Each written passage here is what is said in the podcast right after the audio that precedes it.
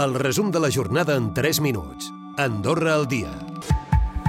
Els titulars de la jornada d'avui, informativament parlant, han estat marcats doncs, per l'àmbit polític i és que l'actual executiva del PS ha decidit continuar endavant la reclamació judicial presentada per l'anterior Junta contra els cònsols escaldencs i altres càrrecs comunals per no haver abonat el 10% del sou al partit. Rosa Gili considera que es tracta d'una acció personal d'alguns membres de l'anterior executiva i està convençuda que els actuals responsables del partit no ho haurien fet.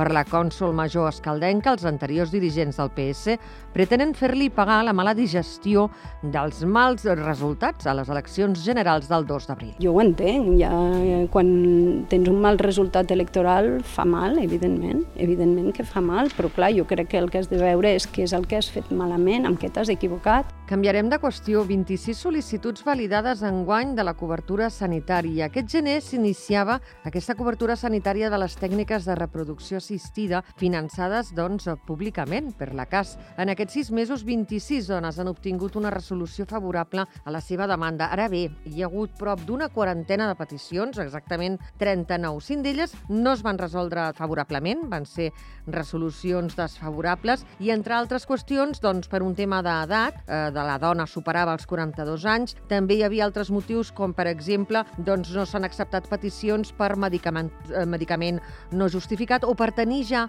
un fill en comú. També hi ha cinc sol·licituds més en les que hi ha hagut una manca d'informació. I tornem a canviar de qüestió, viatgem eh, doncs, més enllà de la nostra frontera del sud, però ens quedem al costat de casa, ens quedem a la Seu d'Urgell. I és que el projecte d'Horta Valvalira, en aquesta ciutat alturgellenca, ha de donar resposta primer a les necessitats de la comarca. Així de clar es mostra l'alcalde de la Seu, Joan Barrera, respecte de la construcció de nous habitatges. Escoltem-lo. El que volem és aquesta ciutat viva i no una ciutat dormitori.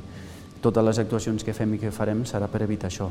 Aquesta és una de les prioritats del mandat del nou alcalde de la Seu, que aquesta setmana demanava al govern que frenés les especulacions, segons les quals els veia a la capital alturgellenca com un recurs per acollir la mà d'obra que no es podria allotjar a Andorra. I govern portarà a la vetllia aquelles empreses avalades per l'executiu que no hagin fet fallida i que tampoc hagin retornat els crèdits tous. En canvi, es representaran al concurs de creditors en cas que hagin tancat. Govern ha hagut d'executar més de 3 milions d'euros dels 150 que havia donat com com a val. I ha estat el mateix govern qui n'ha hagut d'executar doncs, aquests préstecs. Escoltem el ministre de Finances, Ramon Lledós.